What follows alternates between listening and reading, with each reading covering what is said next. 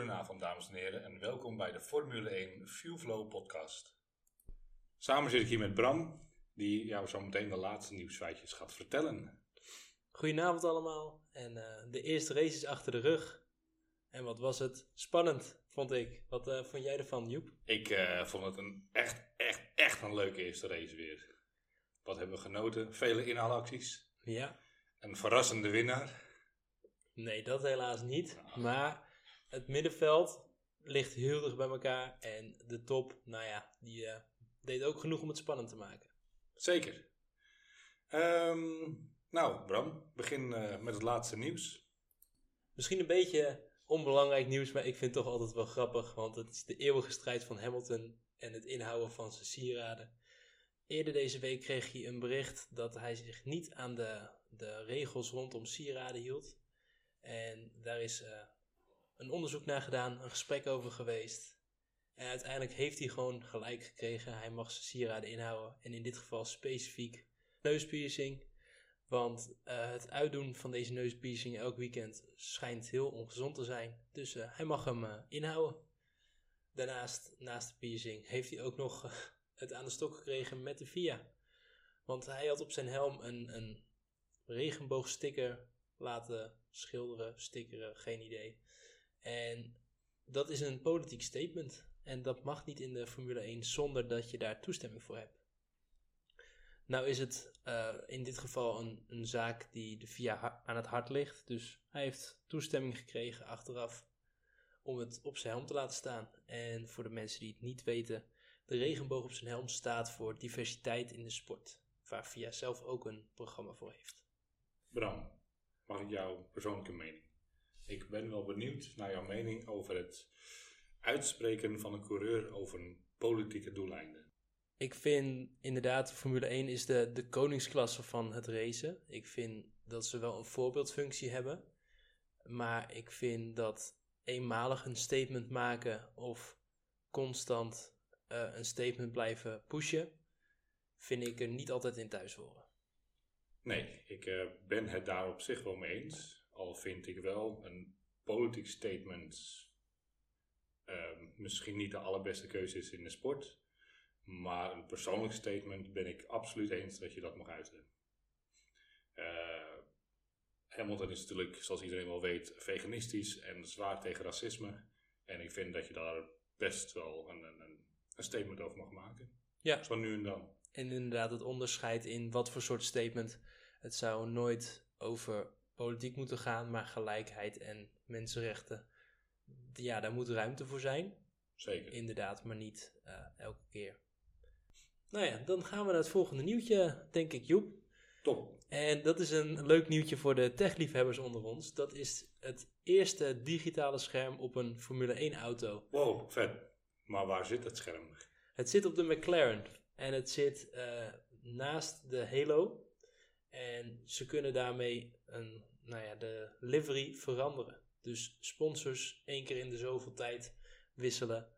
Eh, de display weegt nu 190 gram. En ze vinden het blijkbaar de moeite waard, dat extra gewicht. Dus Ik vind het wel interessant, maar wat is het een toegevoegde waarde van een eh, digitaal scherm tegenover gewoon een stukje sticker die er overheen gaat? Ehm, ja, je kan natuurlijk wel wat, wat leuke eh, effecten creëren misschien. Weet je, wat, wat meer eh, bewegend beeld over de auto heen. Maar voor de rest zie ik er nog vrij weinig echte leuke toepassingen voor. Maar de toekomst zal het leren. ik kijk dan ook een beetje vooruit in de toekomst. En dan denk ik, stel je voor, ze doen dit over de hele auto. Dan is het zodra een auto van, van de finish weg, vanaf de start wegrijdt. En dan komt hij heel anders over de finish. Dat vind ik toch wel een bijzondere gedachte. Ja, dan is alleen welke auto zien we rijden? Geen idee. Wacht, we klikken op een knopje. En dan heel groot. Red Bull, Ja, Alfa Tauri, eh, Mercedes. Check. Duidelijk. inderdaad. We gaan zien hoe dit eh, verder gaat. Of dat het een, eh, een flop wordt. Andere nieuwtjes in de sport. Grand Prix Radio verliest de rechten van de Formule 1. De Nederlandse rechten althans. Maar ze hebben daar een nou ja, verrassende oplossing voor gevonden. En dat is bij de buren aankloppen voor hun uitzendrechten. Zoals jullie weten eh, gebruikt Grand Prix Radio de rechten om het commentaar van Olaf Mol en Jack Ploy onder de Formule 1 te zetten. En als ze die oplossing niet hadden bedacht, had dat opgehouden. Via Play is wel lekker een beetje aan het uitkopen, denk ik. Eerst Ziggo Sport helemaal wegkopen. Toen uh, zei uh, Olaf Mol een trucje bedacht om via Grand Prix Radio het geluid te zinken uh, met een, een, een audioapparaat. zijn ze nu dit aan het doen. Ja, ik vind het wel een, een, beetje expres monddood maken. Ja, en kijk, het zou natuurlijk... Het is al vervelend. Ja, maar mij schiet het persoonlijk wel een beetje in een, in een verkeerd keelgat. Ja. Ik wil... Kijk, ik kijk zelf via Formule 1 TV. Eigenlijk omdat ze een betere aanbieding hebben dan Viaplay. Ja, ik vind het zonde. Ja, naast dat het zonde is, vind ik ook dat Viaplay niet altijd hun, hun stream op orde hebben. Dus ja, als je de, de concurrentie wegkaapt, moet je wel zorgen dat het, uh, dat het goed gaat. Lijkt mij duidelijk. Een volgend nieuwtje in de sport. Joep, misschien uh, wil jij daar wat over vertellen, want jij bent bekend met het circuit. Ik ben zeker bekend met het circuit, uh, aangezien het circuit nu al voor mij vanaf 2004 op de kalender staat. Uh, althans, in 2004 is de eerste race daar gereden. Uh, het is grotendeels gebouwd in 2003. En uh, getekend door de Duitse baanontwerper Herman Tilke natuurlijk. Herman Tilke, ja. En waar kennen we die nog meer van? welke circuits? Shanghai, Sepang, Singapore, Istanbul, Valencia, Abu Dhabi en niet te vergeten de nog niet gereden Vietnam. Dus eigenlijk de, de wat nieuwere circuits allemaal. Uh, Herman Tielke heeft er heel veel gedaan. Uh, voor mij heeft Herman Tielke ook meer gedaan die ik nu niet ga opnoemen, want dan moet ik later gaan rectificeren in de volgende podcast. Oké. Okay. Maar Herman Tielke staat wel een beetje bekend als een echte Formule 1 circuit designer. Ja, en daarnaast uh, is dit, dit jaar ook een stuk veranderd. Nou ja, niet een stuk van de baan, maar wel de regels die daarop gelden. En dat is de DRS-zone is 80 meter ingekort. Ja, ik heb het gezien deze race en ik vond het een beetje tegenvallen. Ik denk dat als ze de DRS-zones hadden aangepast en niet hadden ingekort, dat de inhaalmogelijkheden beter waren. Maar um, ik ben niet zo'n fan van de twee DRS-zones naast elkaar. Uh, zoals je in vorig jaar misschien nog kan herinneren, is dat Max Verstappen na het rechte stuk uh, in bocht 1 uh, Charles Leclerc inhaalde. En ja, de crossbacks krijg je en dan. En dan gelijk een crossback kreeg en hem dan weer terug inhaalde. En dat voor mij gebeurde een, een, een, een ronde of drie achter elkaar. Ik ben veel meer een fan van DRS-zones echt gewoon door het veld heen. Ja, en dan is deze ook nog 80 meter korter. Dus uh, nou ja, dan moet je er nog dichter naar de bocht moet je gaan inhalen. Wat afgelopen race wel vaak is gebeurd en ook wel spannend was. Ja, nee, ik vond het, uh, ik vond het een spannende, leuke race, zoals we al zeiden. Ik, uh, ik heb veel mooie inhaalacties gezien. Vooral van een oude rot in het vak. ja. 41 oh. jaar en nog steeds een potje kunnen sturen. Maar over de race, daar gaan we het zo meteen over hebben. Ja, het laatste nieuwtje van vandaag is voor de kenners onder ons de Aereo Paint.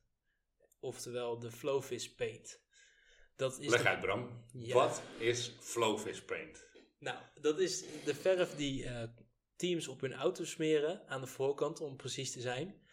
En dan gaan ze een aantal rondes rijden en kunnen ze heel goed terugzien hoe de aerodynamica van een auto in elkaar zit.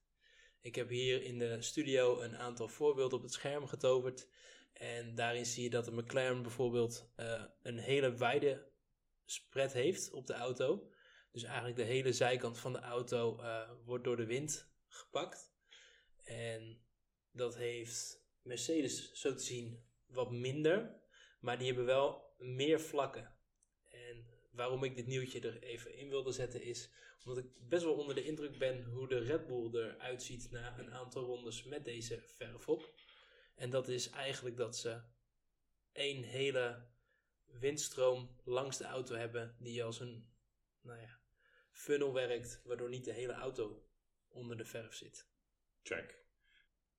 Bram heeft nu ontzettend mooie plaatjes voor ons en die zullen uiteindelijk verder deze week, later deze week, verschijnen op onze Instagram pagina.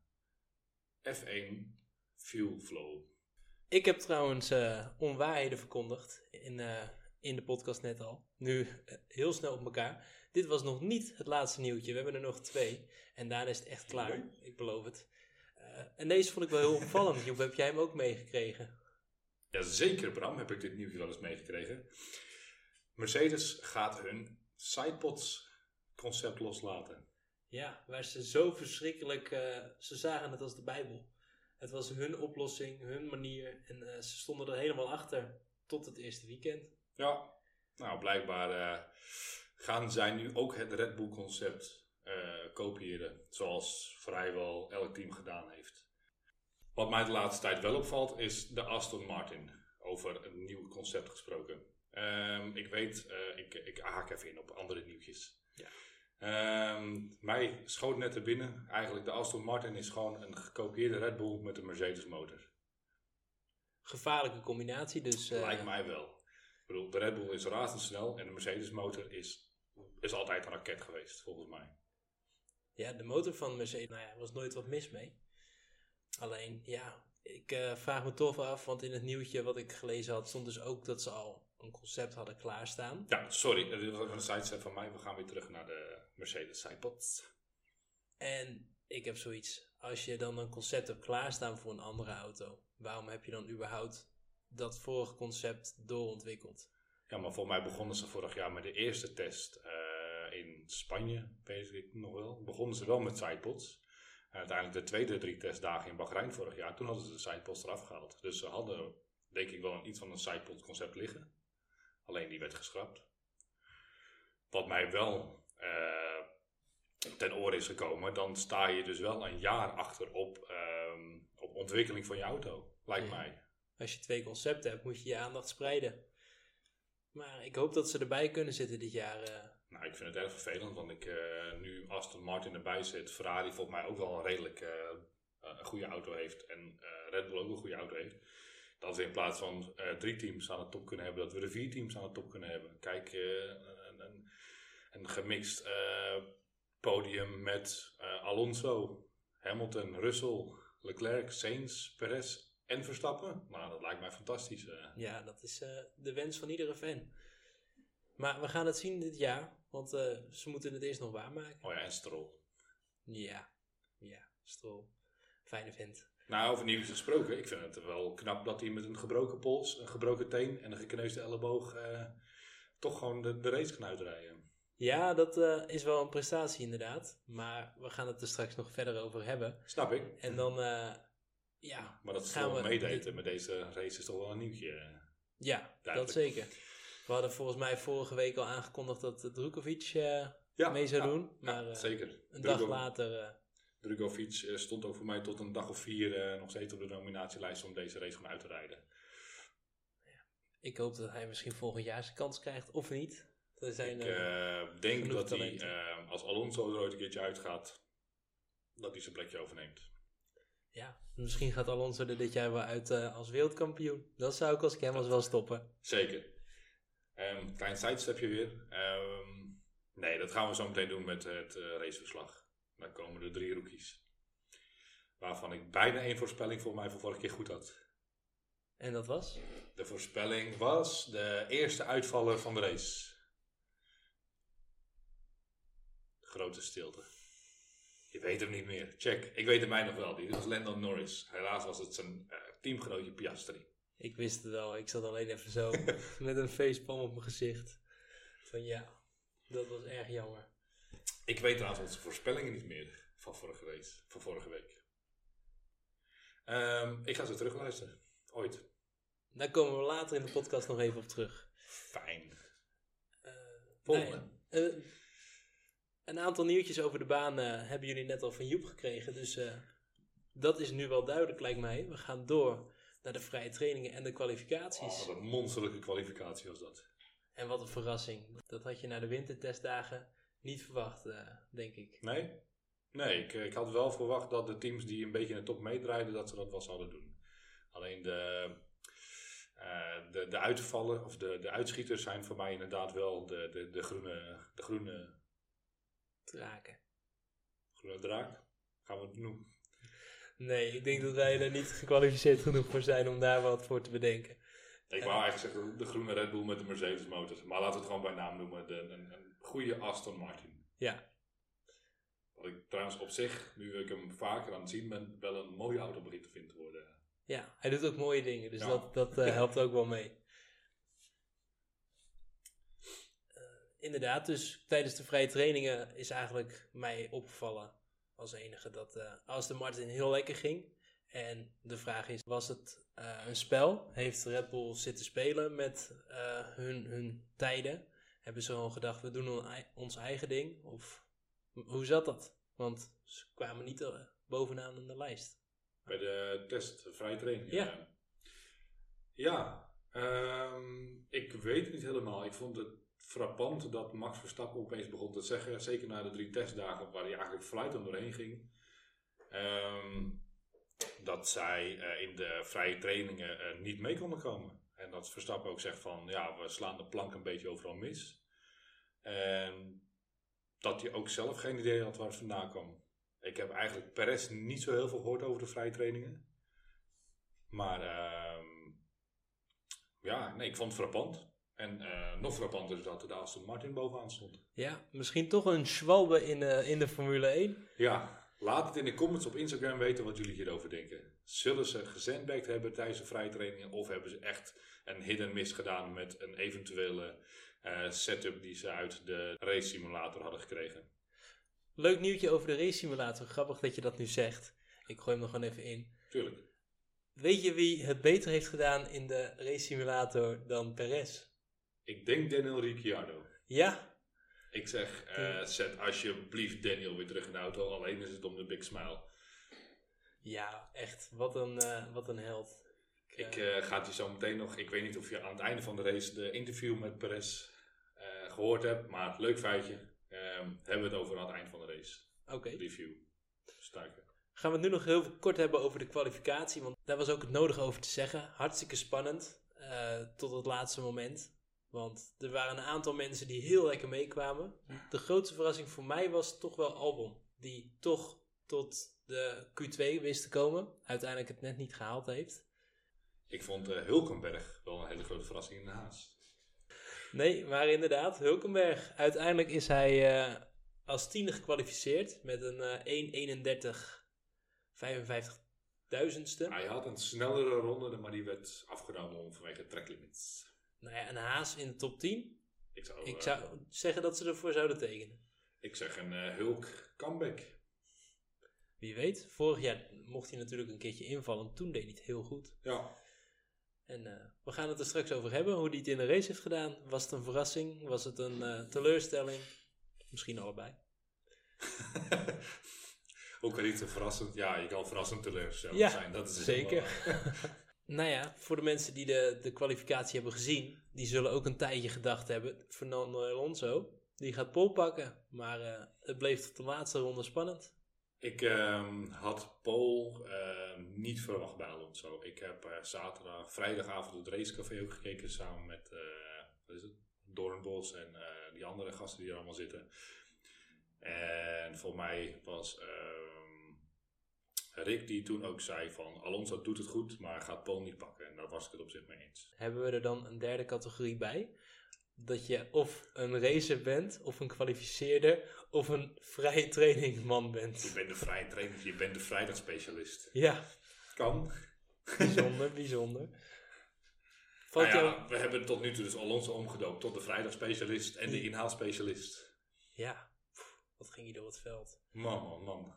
Als een, een warme mes door boter. En eh, viel jou voor de rest nog wat op aan de, aan de kwalificaties? Ik, ik heb de kwalificatie later gekeken omdat ik helaas op de dag zelf om eh, vier uur middags andere dingen had te doen. Ehm, waardoor ik dan altijd een beetje door de kwalificatie heen skip. Zeker de, eh, de quali 3. Die vond ik niet heel erg interessant. Ik wou even kijken hoe Nick de Vries het deed. Maar ja, die lag er gelijk al uit. Dus ik heb eigenlijk alleen de laatste 10 minuten van eh, Q1 gekeken. En eh, wat me daarin opviel is dat Max Verstappen een wereldronde aan elkaar rijgt. eh. Ja, die die eigenlijk niet eens in de laatste ronde hoefde te verdedigen. Nee. Want ook al had hij die laatste ronde niet gereden, was het misschien Perez geweest die er overheen was gegaan. Ja. Maar zeker geen ander team. En dat ik opeens een Leclerc de auto uit zag stappen. Ja, Met Die, de eh, opmerking erbij van, eh, nee hoor, er was niks meer aan de hand met de auto, maar ik wilde gewoon banden uitsparen. En dan eh, hoopte ik, of ik ging ervan uit dat ik derde werd. dat is toch, het, het voelt toch een beetje onnatuurlijk als een Formule 1 drijver dan gewoon zegt, ja, dus het beste, kijk maar even. Het is des Ferraris. Ja. ja. Oké, we gaan lekker door. En nog eventjes over Lance Stroll natuurlijk. Toch als achtste kwalificeren. Netjes. netjes. Zeker. Dan gaan we het over de race hebben. De start. Ik eh, heb de race via Formule 1 TV gekeken, zoals ik al zei. Ik heb geen aandelen, maar je kon het wel met een leuke korting kopen aan het begin van het jaar. Dus mocht je volgend jaar interesse hebben, altijd een, week voordat de race begint, eh, kan je het altijd met 20% korting kopen voor een heel jaar. Eh, dan scheelt het je toch een eurotje of 10 weer. Ja, kan je Dat voor zo. 5 euro per maand Formule 1 kijken. Zeker weten. Ehm, op de commentatoren zeiden ze dat Max Verstappen een wereldstart had. Maar ik zat al op de achtergrond mee te kijken. Volgens mij had Leclerc een wereldstart. ja, zijn reactietijd was echt grandioos. Maar daarna moest hij het toch afleggen. Was er niet uit mijn hoofd iets van een 0,18 eh, milliseconden of zo? Dat Ja, hij, eh, en Max zat volgens mij op 0,22. ja, Maar ja, dan loopt de Red Bull toch eh, verschrikkelijk hard. En Zeker. gaat hij als eerste de bocht in. ja, helaas had Perez wat minder. En Sainz die werd geblokt door Leclerc. Ik denk, denk dat anders Sainz ook Perez wel voorbij was geschoten. eh, wat ik heel jammer vond. Ja. Wat ik in de uitzending hoorde was dat hij eh, niet goed eh, met zijn toer omging. Waardoor hij gewoon niet de volledige power beschikbaar had die hij nodig had. Om toch voor de Ferraris te eindigen. Jammer. Ja, Perez zat erg laag in zijn toeren, waardoor hij inderdaad niet de volledige krachtbron kon gebruiken. En daardoor ehm, een beetje een, een, een misstart had. Maar gecoverd met de derde plek, ik vind het prima. Ja, dat was alvast even een eh, kleine spoiler. Verder uit in de race.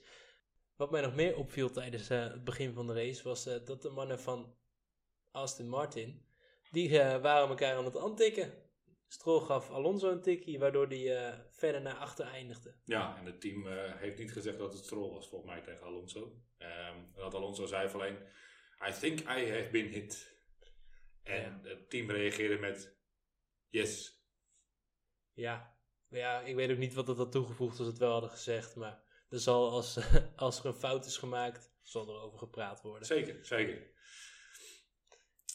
Daarna gingen we natuurlijk gewoon door. Weinig gebeurd in, het ach- in de achterhoede. Volgens mij een touché, maar niks noemenswaardig eigenlijk. Nee, de, voor mij de eerste paar rondes gingen redelijk vlekkeloos. Eh, wat mij wel opviel van de eerste tien rondes is dat de auto's echt letterlijk allemaal binnen een seconde van elkaar bleven. Ehm, ja, vond ik heel erg interessant om te zien. eh. Ja, maar na de tiende ronde was Max Verstappen wel zes seconden weg van Leclerc. ja, er was één auto die sprong er inderdaad behoorlijk uit met eh, het wegrijden. Ik een beetje zitten uitrekenen. Ik denk in de eerste tien ronden dat eh, Max Verstappen ongeveer 0,8 seconden per ronde wegreed. Dus 800ste van een seconde. Eh, Ja. Ik ga het niet onder, onder stoelen of banken schuiven. Ik vind het hartstikke leuk als Verstappen blijft winnen. Maar ik vind het ook leuk. Ik ben ook fan van iemand die ervoor moet knokken. Ik heb toch wel een beetje afgelopen race waardering en bewondering gevonden voor Alonso. Die zo rustig blijft. Manoeuvres neerzet waar je u tegen zegt. En gewoon rustig met zijn engineers aan het babbelen is. Nou, dat, dat was een beetje ook de, de vroegere dagen. Dat je er heel erg voor moest strijden bij Red Bull. En die dagen zijn nu wel een beetje voorbij, want ze rijden zo weg. Ja. Laten we het eens over de startpositie van meneer Ocon hebben. Ehm, later in de beelden kon je zien dat hij inderdaad niet goed op zijn startplek stond. Volgens mij stond hij een centimeter of twintig voorbij de gele streep. Ja, het was voor ons niet echt, eh, niet echt zichtbaar. Hij was als negende gestart. En ja, dat, dat weten VIA. Die hebben daar een meetsysteem in zitten, zodat je precies genoeg druk hebt Ja. onder, eh, onder de streep. En vanaf daar, vanaf plek 9 ging het eigenlijk bergafwaarts. Ja. Dan eh krijg je een 5 seconden penalty, wat daar standaard voor is. En na die 5 seconden penalty, die moest hij inleveren bij de eerstvolgende pitstop die hij ging doen. En ze stonden volgens mij, in plaats van dat ze 5 seconden stil stonden, stonden ze 3 seconden stil. Als ik het zo een beetje mee kon tellen. Toen heeft hij een nieuwe voorvleugel gekregen. En toen is hij gewoon weggereden. Stom. Uiteindelijk eh, kreeg hij voor het niet innen van een straf, kreeg hij nog een keer een straf, maar dan van 10 seconden. Ja, bizar. Maar ja, weet je, het staat er wel voor. Ja. Maar was dat het einde? Was dat alles? Nee, maar daar gaan we het zo meteen over hebben, want dat is later in de race. We het nu hebben over ehm, eh, de eerste uitvallen van het jaar. Dat is natuurlijk 16, Piastri. Ja, wat een dramatisch begin voor een rookie. eh, na 16 rondes er al uit liggen. Zoals ik al zei, mijn ehm, voorspellingen van de race van dit jaar zouden zijn dat Norris als eerste uitviel. Pure gok. Het is alleen geen Norris geworden. Het is natuurlijk Piastri, helaas. Close enough. Close Ja, enough. close enough. Ehm, wat me wel opvalt is dat Piastri een, een wereldwonder had moeten zijn. En ik hem wel redelijk tegen vind vallen. Maar ja, weet je, eerste race, nieuwe auto. Eh Lando Norris rijdt al eh, een jaar of vijf in die bak. Ja. Dus ik, ik kan me voorstellen dat je tegen een veteraan moet knokken als Lando Norris zijnde. En krijgen de rookies in de Formule 1 niet altijd een, free pass voor het eerste seizoen? Tsunoda was eh, twee jaar geleden, meen ik, Ja, was hij voor het eerst in de Zeker. Formule 1 te zien. En daar heeft hij heel veel stuk gereden, best wel fouten gemaakt. En ik vind toch dat Tsunoda er eh, dit jaar lekker bij zit tot nu toe. hij zit er inderdaad prima bij. Ehm, ik vind wel dat we een Piastri een race of vijf moeten gunnen voordat we een echte conclusie eruit gaan oordelen.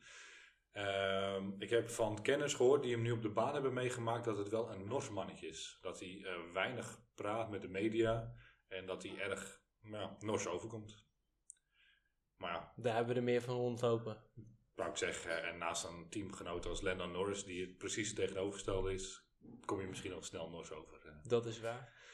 Ehm, Iets wat mij best wel is opgevallen, en dat vond ik een, een leuk feitje om even in de, in de show te gooien, Ja, is in ronde, tussen ronde 33 en 35 de rondetijdes. Heb jij dat ook eh, gehoord?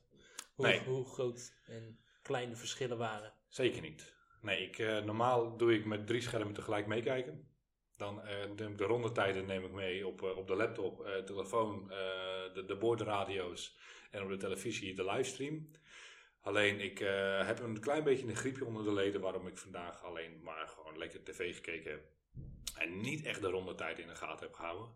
Wat ik eh, ja, als Formule 1 freak natuurlijk wel heel graag doe. Ja, Dus maar- vertel Bram, wat waren de rondetijden? Nou, dan En beginnen we even bovenaan. En dat is Max Verstappen, die reed 1, een 1.37.6. Daarna kregen we natuurlijk, eh, wat was het? Leclerc volgens mij.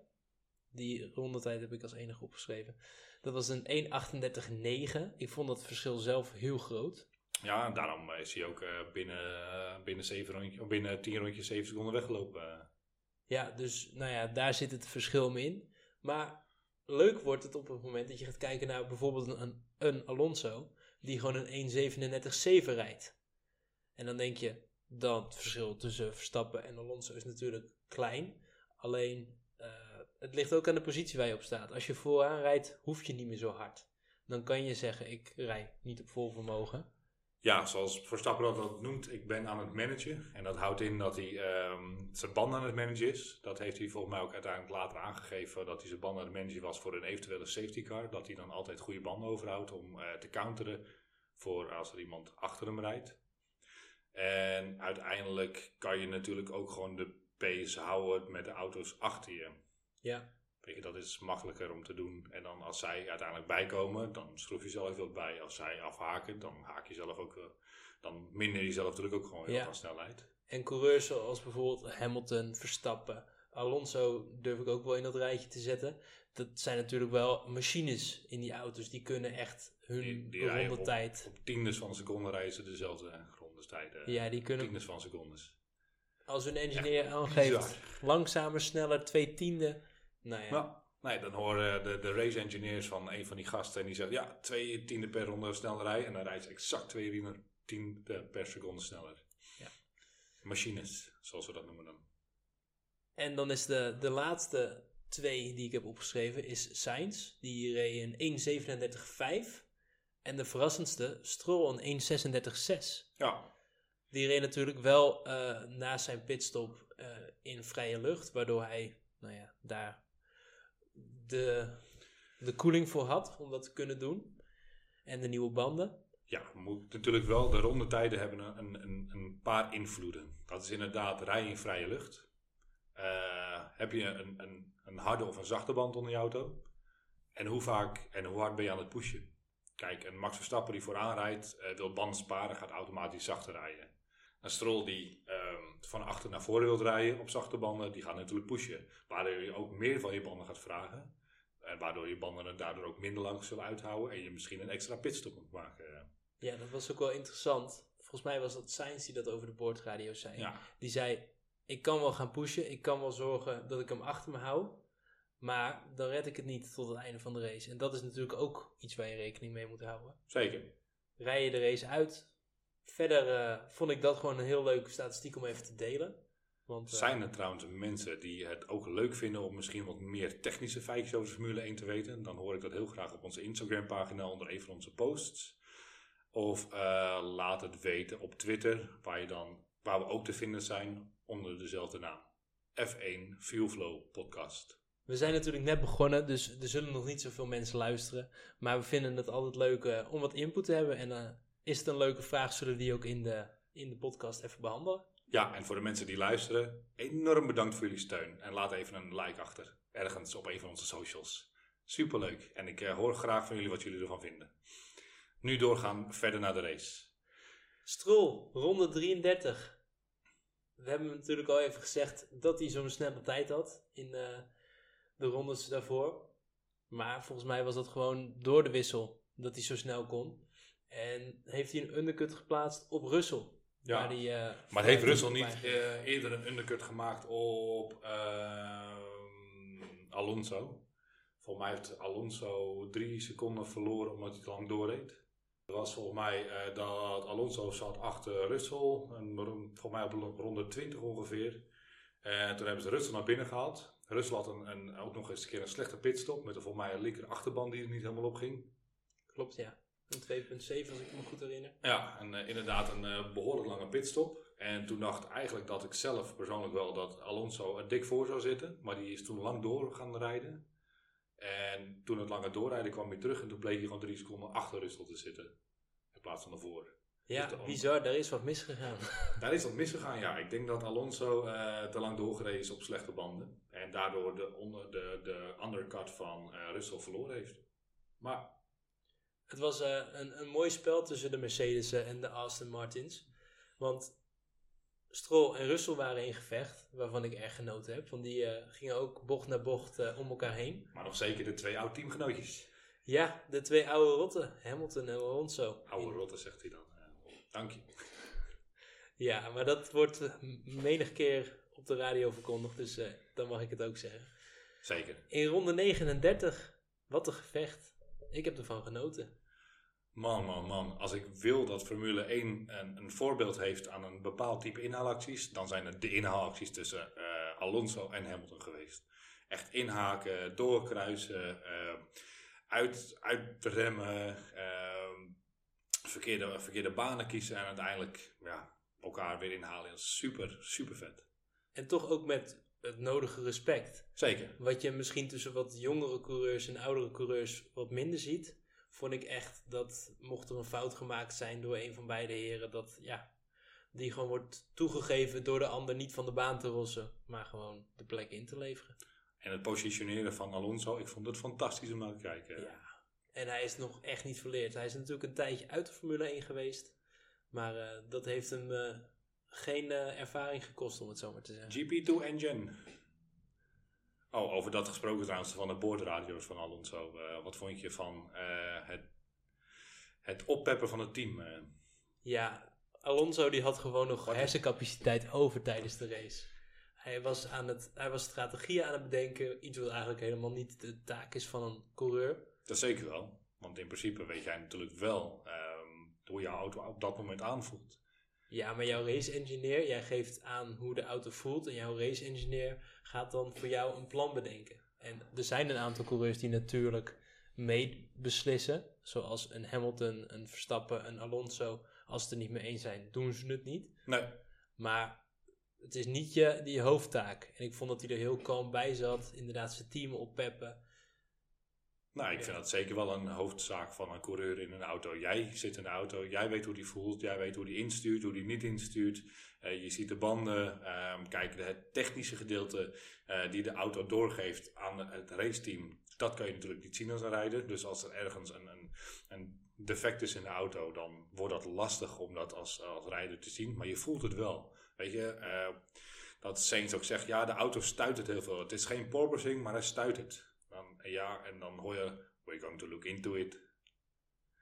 Oké, ja. Maar dat, ik weet niet. Ja, dat voel je toch denk ik wel als coureur. Weet je, het, het stuur trilt anders dan je gewend bent. Eh, de auto stuurt misschien anders in dan je gewend bent. Te veel onderstuur, te veel overstuur. Ehm, We zijn het niet echt gewend van coureurs. Van nee, de wat jongere coureurs ben je namelijk niet gewend dat ze echt duidelijk dingen aangeven. Het is meer een soort schreeuw van de auto rijdt niet goed. Wat is er?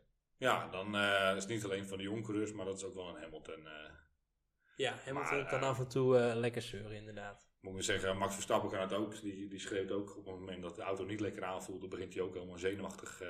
ja, wat wat was het vorige keer met de DRS? Ja, pushing the, the button 50 times. eh 50 times and it don't work. Ja, We have a million dollar car. misschien is Fuck het de inderdaad DRS, voor iedere coureur en noem ik nu wat coureurs op of een, een groep coureurs die dat wat erger heeft, maar Nou, Bram, ben je gewoon aan het coureur shamen? Ja, ja, dat klopt. Ik ben zelf, rij ik gewoon een Peugeot 107, dus ik eh, mag niet heel veel praten. En hoe die die rijdt. Mijn hemel, je moet hem eens door de straat zien scheuren. Alsof het een kart is waar die in zit. eh. Laten we verder gaan. Klerk valt uit. Ronde 41. Ik, eh... Hebben ze al een power module gewisseld van tevoren? Ja, nee, het was de ECU die ze gewisseld hebben. De, de, de, de, de elektrische unit hebben ze gewisseld. eh. Nou, de power unit is natuurlijk de, de, de motor achterin. eh. je hebt de ICU. Ronde 41, Leclerc valt uit. Ik eh, zat met mijn handen in het haar. Ik denk, meen je niet? Dat wordt een nieuwe wereldkampioen. Maar helaas niet. Een nieuwe power module, grote beloftes. Ze hadden tijdens de wintertesten zeiden ze, onze motor is nu betrouwbaar Super dan betrouwbaar. Ja, toen viel er een eh Alfa Romeo uit. eh, Met een kapotte motor. In de test. Ja, in de test. Maar inderdaad, wat je zei, aan het einde van de winter, voor de testdagen, schreeuwden ze luid van de toren. Hun motor was eh, super betrouwbaar. De Ze problemen zijn voorbij. Ja, de problemen zijn voorbij. We hebben weer 30 pk extra. Ehm, we kunnen hem weer volledig openschroeven. En we, ja, we hebben een raketmotor gebouwd. Echt een supersnelle auto. Eh supersnel, super betrouwbaar. Dat was waar, tot ronde 41. tot rond 41, ja. Nou ja, ik vond ze daarvoor ook niet heel snel. eh, Ze waren niet heel overtuigend, nee, Nee. dat klopt. Ik vond ze qua race pace ik de Ferraris eh, tegenvallen. Waar ik de, de, de Mercedes en de Aston Martin en verbazingwekkend goed vond. Voor een, eh, voor een In vergelijking met wat je hebt gezien in de testdagen. ja, vond ik de, de Ferrari echt, echt tegenvallen. En gisteren ook trouwens tijdens de kwalificatie. Ik vond ze, ik vond ze buiten het bootje. Beetje tam waren ze. Niet, eh, niet met het mes op tafel en dan ook met die actie erbij van eh, het is wel goed zo. Nee. En wat mij ook te horen is gekomen waar ik erg over verbaasd heb, is dat Binotto zelf opgestapt is. Ik dacht dat hij was weggestuurd door Ferrari. Oh, Maar het blijkt dus dat eh, Binotto is zelf opgestapt. Hij is naar de, eh de boord van bestuur gegaan. Hij heeft tegen de boord van bestuur gezegd: Ik wil een frisse wind door Ferrari heen. Ik wil mensen ontslaan en ik wil nieuwe, nieuwe mensen aannemen. En daar heeft hij geen gehoor op gekregen. Dus terwijl hij daar geen gehoor op kreeg, zegt hij: Ja, ik heb er ook vertrouwen niet meer in. En ik denk: Als jullie niet naar mij willen luisteren, dan stap ik op. het is natuurlijk, eh, het was een icoon voor de sport. Hoe je hem altijd aan de pitwall zag zitten. Maar ik heb wel respect voor zijn beslissing. Als je Jawel, je team niet kan hebben leiden het- op... Ze hebben het doen laten blijken alsof hij weggestuurd is. Althans, ik heb de hele tijd begrepen, tot ik vorige week dus het andere nieuws te horen kreeg, is dat ze hem weggestuurd hebben. Dat komt natuurlijk ook wel beter over. Dan dat je zegt, we hebben niet naar de team principle geluisterd. En hij was er klaar mee. Ja. En toen moesten ze opeens stel een sprong eh, op zoek naar een vervanger voor hem. En eh, Fred Vasseur zat natuurlijk op dat moment bij Alfa Romeo. Maar Fred Vasseur mocht niet weg eh, als ze ook geen vervanger voor hem hadden gevonden. Nee, dan had hij een garden leave moeten nemen. Net als alle anderen in de Nee, want 1. uiteindelijk Alfa Romeo had hem niet kwijt gedaan. Dan, dan zaten zij zonder teambaas.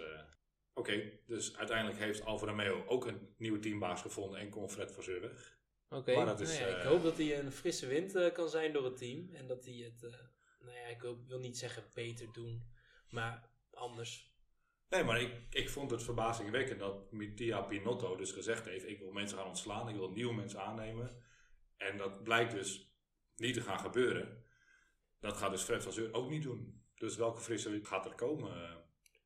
Is dan de team principal, die moet het natuurlijk dan wel echt voor het zeggen hebben. Ja. En niet doen wat er achter de schermen wordt bedacht. Nee, maar ik bedoel, je kan de team principal wel wegsturen omdat je niet vindt dat het goed gaat. Maar dat is maar één mannetje die heel veel verschillende mensen aanstuurt.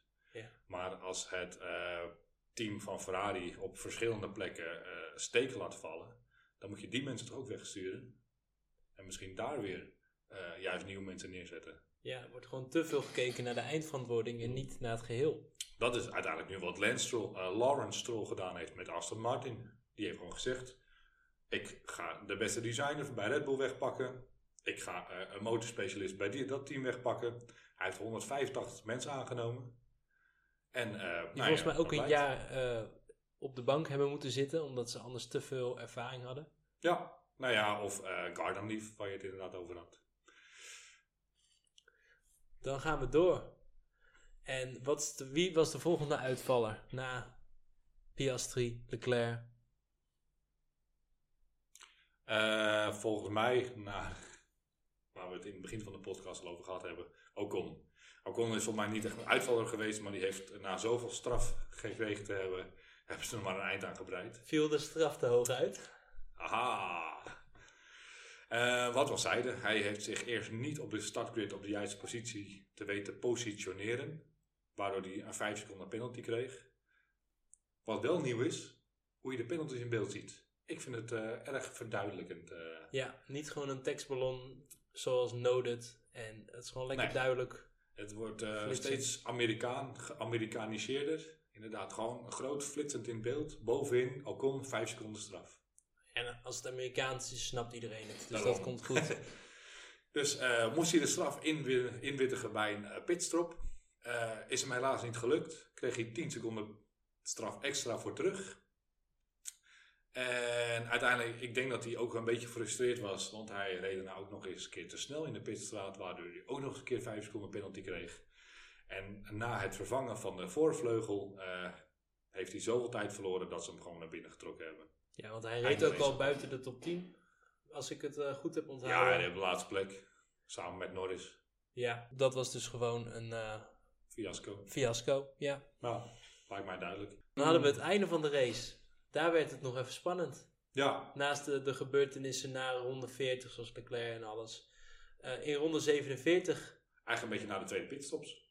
ja, daar werd, daarna werd het weer levendig, spannend. Ja, was volgens weer mij een tussen de, de, de eerste en de tweede pitstop was het een gewoon, eh, nou, bespaar banden en doe eh, niet te gek.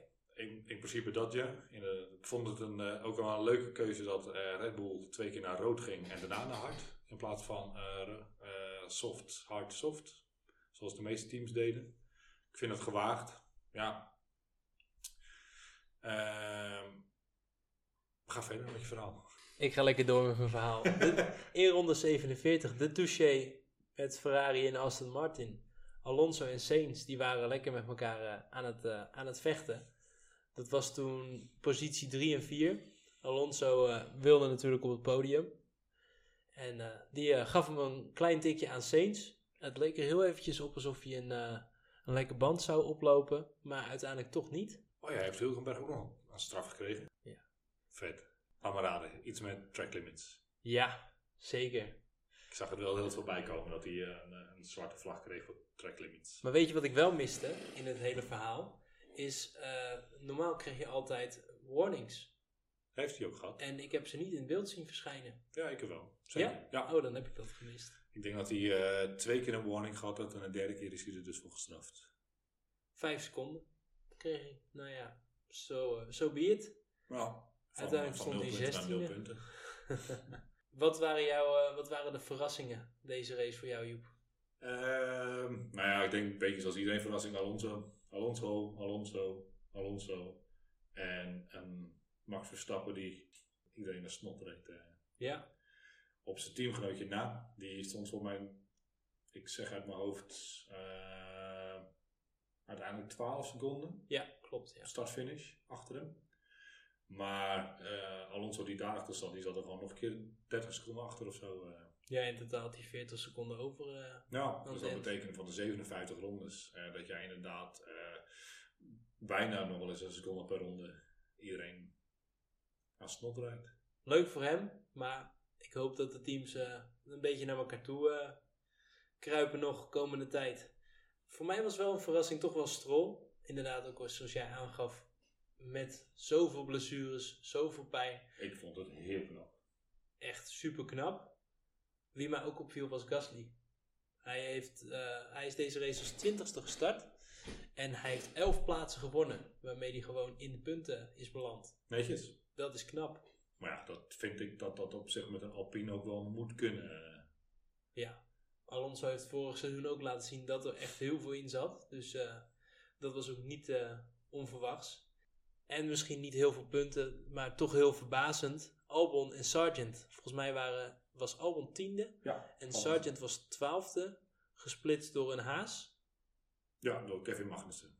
Dus ik zeg, als jij als rookie de eerste race één plaats achter je teammaat kan eindigen, die best wel flink mensen heeft verrast in een Williams.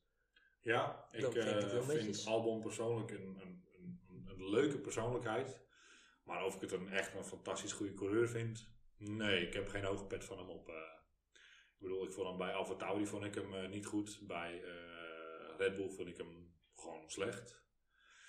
Maar bij Williams laat hij dingen zien die anderen waarschijnlijk niet met die auto kunnen. Dus er zal vast potentie in die jongen zitten. Ja, Ik weet dat hij een stukje beter kan sturen dan ons, maar nou, stukje. dat kunnen ze allemaal wel. Flink stukje. Nou ja, aan de andere kant, ja. Wat gaan we van Sargent zien komend seizoen? Dat eh, vraag ik me af. Ik, eh, ik hoop dat ik over hem ga verbazen, maar ik heb er weinig hoop in. In de Formule 2 en 3 liet hij ook al eh, niet, niet heel veel topdingen zien. Mocht je willen weten wat hij wel in de Formule 2 en 3 deed, luister onze vorige podcast. Want daar hebben we het over. Bij, bij Logan Sargent. Ja, wat viel mij op in deze race nog meer? Ja, ik, wat ik al zeg, ik heb eigenlijk een beetje met een, een, een, een grieperig hoofd de race zitten kijken. Het enige waar ik me, wat mij opviel is dat ik me best wel goed vermaakt heb over een eh, race in Bahrein. Wat ik meestal niet altijd de spannendste race van het jaar vind. eh. Nee, ik eh, sluit me daar helemaal bij aan. Ik heb genoten van deze race. En de, de volgende race is natuurlijk Saudi-Arabië. Ja, Jeddah. 17 tot 19 maart gaan we daar racen. Ja. Dus een weekje, nou ja, rust. Weekje vervelen. Net hoe je het noemen wil. En dan gaan we weer verder. Ik eh, ben benieuwd welk team er daar bovenuit torent. Gaat het weer Red Bull zijn? Gaan we andere teams zien die toch nog een slag slaan? Ja, we gaan het meemaken. Ik, eh, ik eh, denk persoonlijk dat Red Bull daar best wel goed gaat scoren. Dat doen ze voor mij eigenlijk jaar wel. Ja, Saudi-Arabië is altijd wel... eh, De nieuwe regels. En ja, ik, eh, ik heb er zin in. Ehm, het is maar twee weekjes. ja, maar twee weekjes. Ja. Het is wel twee weekjes. Het is maar twee weekjes. En we Ja. houden het nieuws goed in de gaten voor jullie komende Ja. weken. En dan eh, zijn we volgende week weer terug. En dan gaan we lekker vooruitblikken op eh, de volgende race. Maar dan, voordat ik het vergeet, de voorspelling voor de volgende race. De eerste uitvaller. Ik ga ervan uit dat dat Piastri weer gaat zijn. Ik heb niet zo'n hele hoge pet op van McLaren na afgelopen race. Dus in ieder geval een McLaren.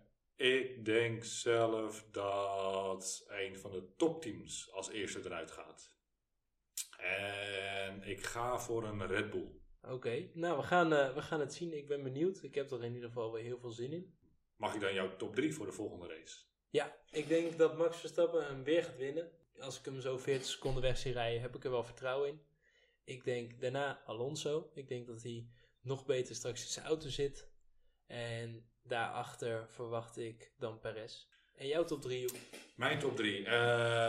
op nummer 1 staat Max. Eh, op nummer 2 staat Leclerc. En ik denk op nummer 3 Alonso. Als het zo doorgaat. Mocht Stroll eh, uiteindelijk minder last hebben van zijn hand. En eh, over twee weken beter mee kunnen doen. Dan denk ik dat hij ook wel eens een keer een gooi kan gaan doen op de derde plek. Perez buiten de, buiten de top 3, Ja, buiten het hij podium. uitvalt wel. Ja. Oké, dat was het voor deze week. Bedankt voor het luisteren. En eh, laat eh, een berichtje achter op een van onze socials. Deze zijn te vinden in onze show notes. Ik zeg bedankt voor het luisteren en tot, Volgende week.